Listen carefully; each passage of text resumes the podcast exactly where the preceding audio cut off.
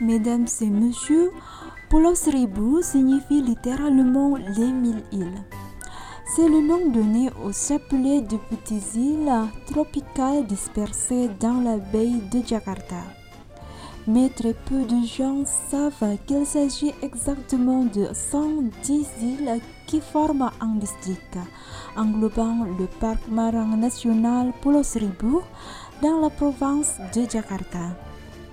Ce groupe d'îles est une escapade nautique accessible en bateau juste en face de la côte nord de la capitale indonésienne. Comptez une demi-heure à trois heures de navigation. Ici, environ 20 000 personnes vivent dans 11 îles seulement, tandis que toutes les autres sont inhabitées. Ces îles sont un havre de plongée et un terrain de jeux nautiques pour les visiteurs. Pendant les vacances, ils s'y rendent pour s'amuser sous le soleil. Toutes ces îles sont accessibles par bateaux rapides qui partent de la marina ou la baie d'Anjol.